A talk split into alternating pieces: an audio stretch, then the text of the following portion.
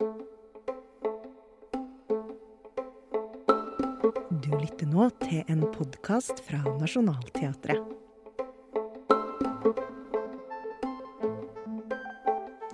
Kan jeg bare si noe her før vi åpner denne episoden om Ibsen sankthansnatten? Jeg elsker Ibsen. Som veldig mange gjør. Og det er mange grunner til å elske Ibsen. Og hvorfor sier jeg det her nå? Jo, fordi jeg kan ikke fatte og begripe at Ibsen, geniet Ibsen, har skrevet et stykke han selv kalte for et miserabelt produkt. Ja, for sankthansnatten fra 1852 var visst, ifølge dramatikeren sjæl, et fuskeaktig utkast. Eh, ikke akkurat sånn vi tenker på vår mesterlige virtuose Ibsen. Altså, dette må undersøkes nærmere.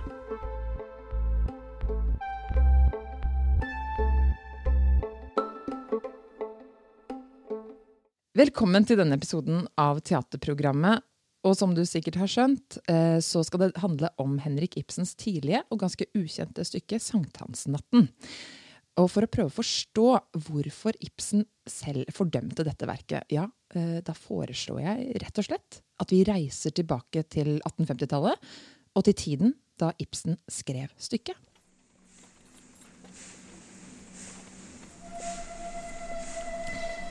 Vi går av dampskipet i Bergen sammen med pur unge Henrik Johan, som har blitt oppdaget av selveste Ole Bull og sendt til Bergen for arbeidet ved Det Norske Teater. Ah, for en ære!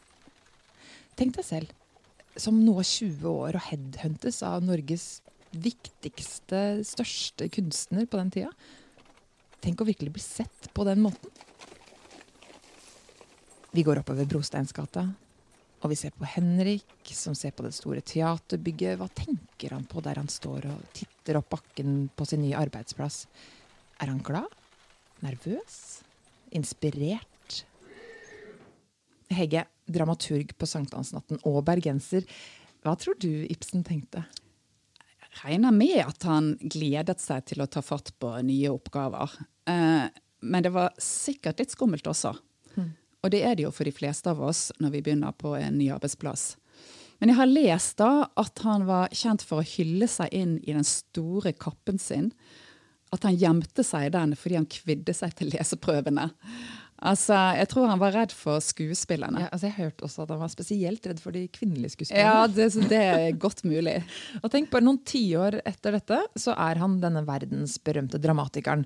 Kjent for sine realistiske og samfunnskritiske og psykologiske stykker. Et dukkehjem, folkefiende, Per Gynt altså Lista er jo kjempelang.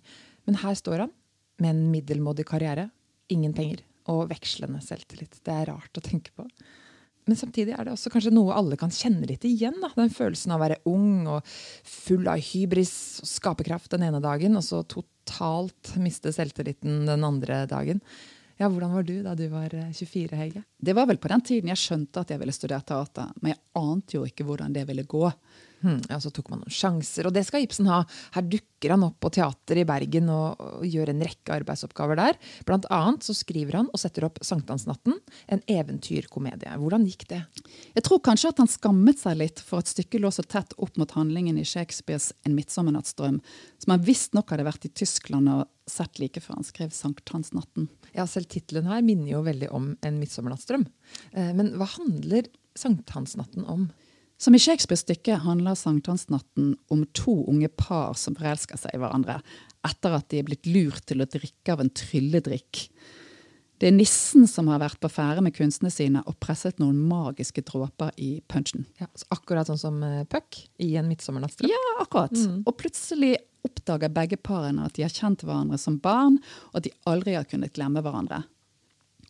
Grunnen til at alle møtes på sankthansaften, er at det skal feires forlovelse for to av dem. Men disse to kjenner nesten ikke hverandre, og det viser seg at det er økonomiske årsaker til at de skal forloves. Men så drikker alle punsjen med trylledråpene og tar seg en tur opp til Sankthanshaugen og til slutt så Du må ikke si hva som skjer til slutt, da. Du må ikke røpe noe, Hege.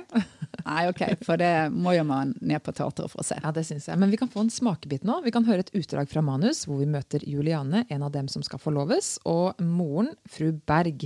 Spilt av Sedavit og Marika Enstad. Mor, jeg må si deg noe. Mm. Jeg skulle i grunnen helst sett at forlovelsen ikke ble offentliggjort så fort.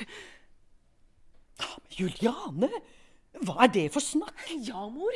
Du kan ikke sette deg inn i min situasjon når man har andre minner man dveler ved. Minner. Så eh, du mener de narrestrekene fra den gangen du gikk på instituttet? Julianne, jeg vil råde deg til at du ikke lar Birk merke noe til det. Og hva forlovelsen angår, så er den saken avgjort. Det er ikke noe mer å snakke om. Ja, ja. Jeg skjønner at jeg må lide og tie. Det er jo en kvinnes lodd her i verden. Herregud, der er de! Mor, se da! Sitter kjolen min rett? Man kan jo høre med en gang. Dette her er jo gammeldags.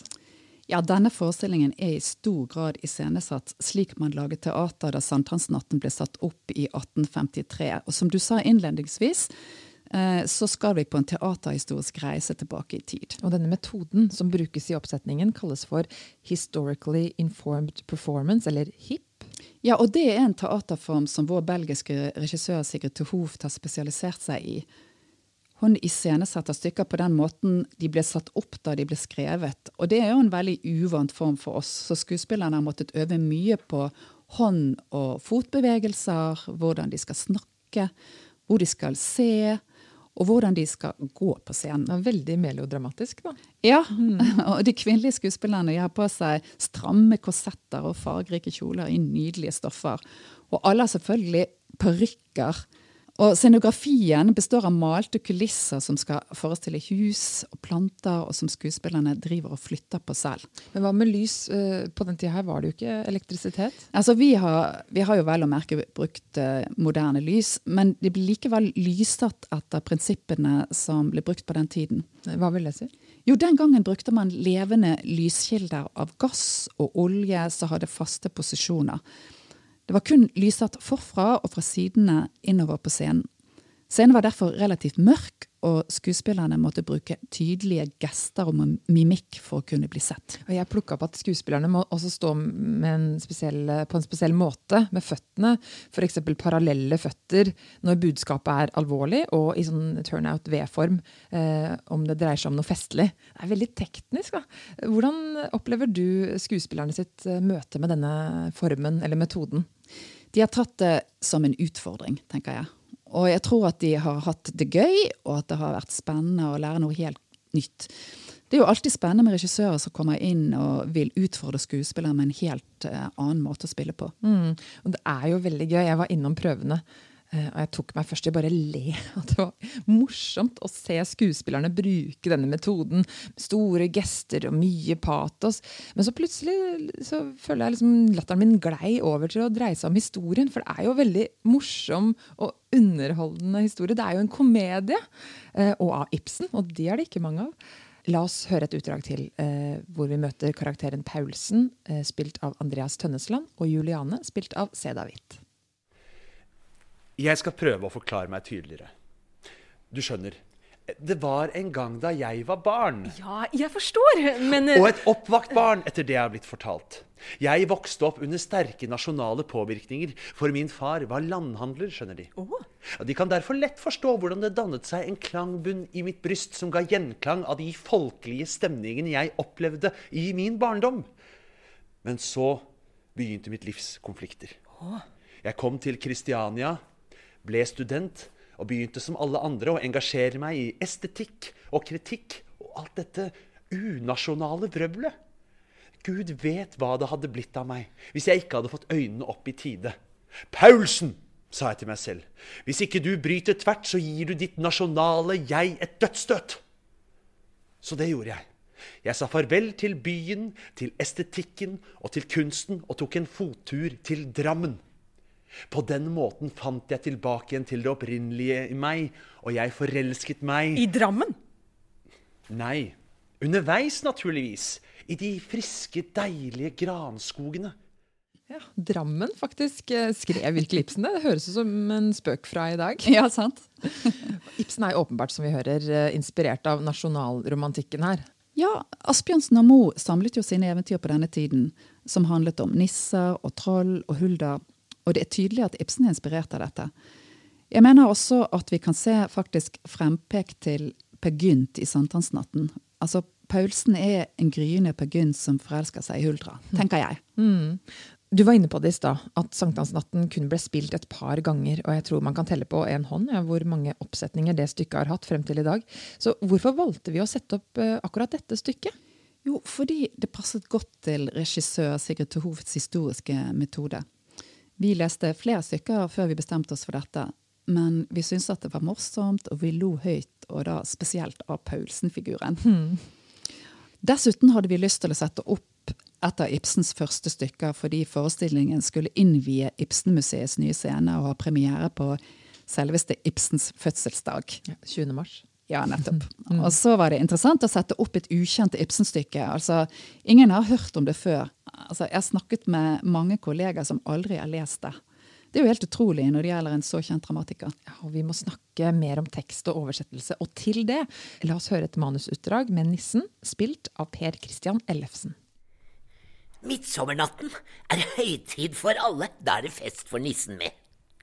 Da skal enhver i de lysegrønne sale more seg lystig det beste han vet. Hengebjerkeriset i bondens stue dufter så herlig i nattens stille. Pyntet står selv den fattigste tue med urter små og med blomster ville. Nissen er flittig det lange år. Han ferdes på loft, han ferdes i kjeller. I stallen er han fra dagen heller. Han må jo passe den gamle gård. Men midtsommerkveld er hans fest, som sagt. Da kler han seg i sin høytidsdrakt. Så gjester han frender og slekt og venner som bor i haugen hvor, hvor bålet brenner. Der oppe tumler seg menneskets børn. De, de synger og danser i kratt og i kjørn. Men folk kun vet at de vetter små i haugen sitter og ser deg på. Nei, vent. Nå må jeg saktens ta på vei. Hm. Se der. Nei, py! Det der var ikke for meg. Det der er hva menneskets børn pleier drikke. Da får de med et så glassklare blikk. Da snakker de høyt om vennskap og slikt. Da tykkes dem allting så herlig og rikt. De ler med hverandre og, og, og glemmer rent sorgen. Det vil dog si til neste morgen. Der hørte vi den spøkefulle nissen i sankthansnatten. Og dette er originalmanus, det som eh, Ibsen faktisk skrev. Alle Nissens tekster er på rim, og de har vi i stor grad valgt å beholde slik Ibsen skrev stykket, for å ha noe av originalteksten i forestillingen. I samarbeid med skuespiller Per Christian Ellefsen har jeg kun endret på ett og annet ord som ikke var helt forståelig. Men mesteparten av stykket har jeg fornorsket, og her har jeg pga. den historiske måten stykket satt opp på, prøvd å beholde den gammeldagse tonen i språket fra Ibsens tid. Vi har derfor beholdt flere litt sånne antikvariske ord og uttrykk. Oh ja, har du noen eksempler? Ja, eksempel dagerotypist. Vet du hva det betyr? Eh, nei. Det betyr fotograf. Ja, det, altså det må jeg prøve å si. Hva sa du det het? Dagerotypist. Dag, dagerotypist. Ja. Fotograf. Har du noen andre eksempler? Ja, eh, å gjøre haneben, hmm. som betyr å fri. Altså, dette er jo ord og uttrykk som skuespillerne leker seg med på scenen. Noe annet vi må snakke om rundt denne oppsetningen, er musikken. Og Magnus Lodgar er musikalsk ansvarlig, og han har gjort en enorm jobb med musikken i oppsetningen. Og hvis du vil dykke ned i dette, så har han også skrevet en skikkelig god og utfyllende artikkel som ligger på nettsiden vår. Men det er altså en pianist til stede eh, på scenen. Eh, hvordan bidrar musikken med inn i helheten her? Forestillingen begynner med en ouvertyre, og det spilles piano i løpet av hele forestillingen. Skuespillerne bryter ut i sang, akkompagnert av piano, og det blir spilt piano i løpet av scenene, mellom scenene og mellom aktene. Altså, dette var vanlig på den tiden Ibsen begynte å skrive drama. Og i vår forestilling eh, blir pianisten en del av forestillingen, på lik linje med skuespillerne. Eh, det som er gøy eh, i vår forestilling, er at han spiller på et historisk instrument, dvs. Si dronning Mauds piano. Selveste dronning Mauds private piano? Ja, det tilhørte faktisk dronning Maud, som var dronning i Norge fra unionsoppløsningen i 1905 og frem til sin død. La oss høre noen eh, toner fra dronningpianoet.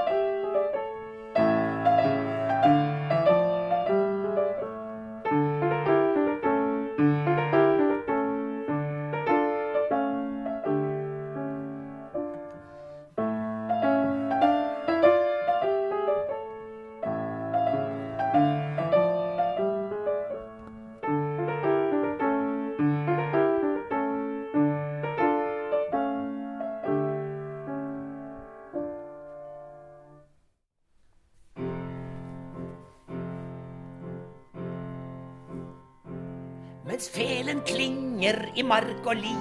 Til sankthanshaugen de drage.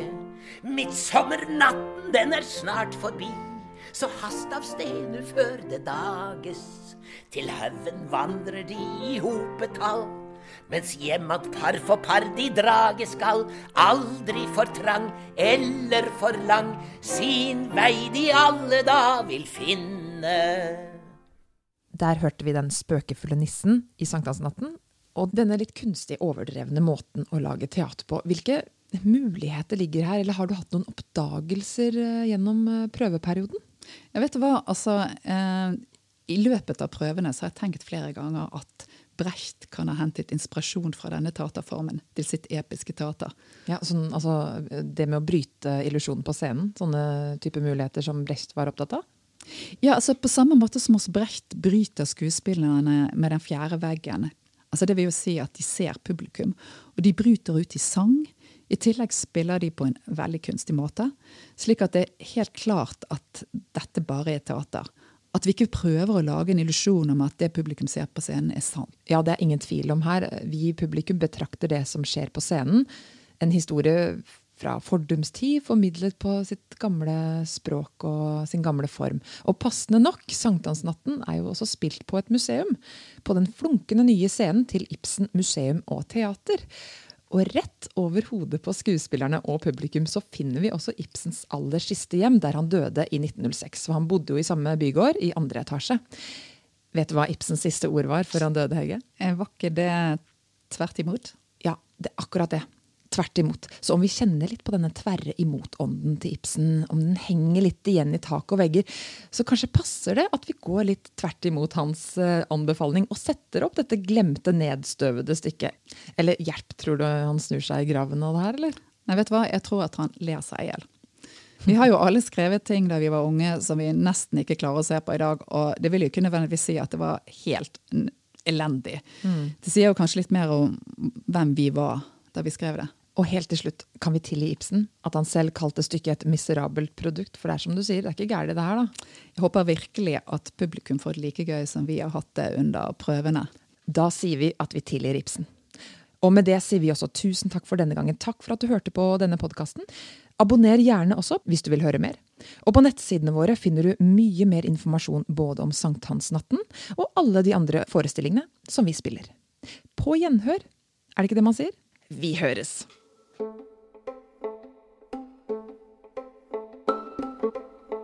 Takk for at du hørte på Nationaltheatrets podkast Teaterprogrammet. Denne episoden var laga av Gunhild Aarebrot Kilde og meg, produsent Åsta Hoem Hagen.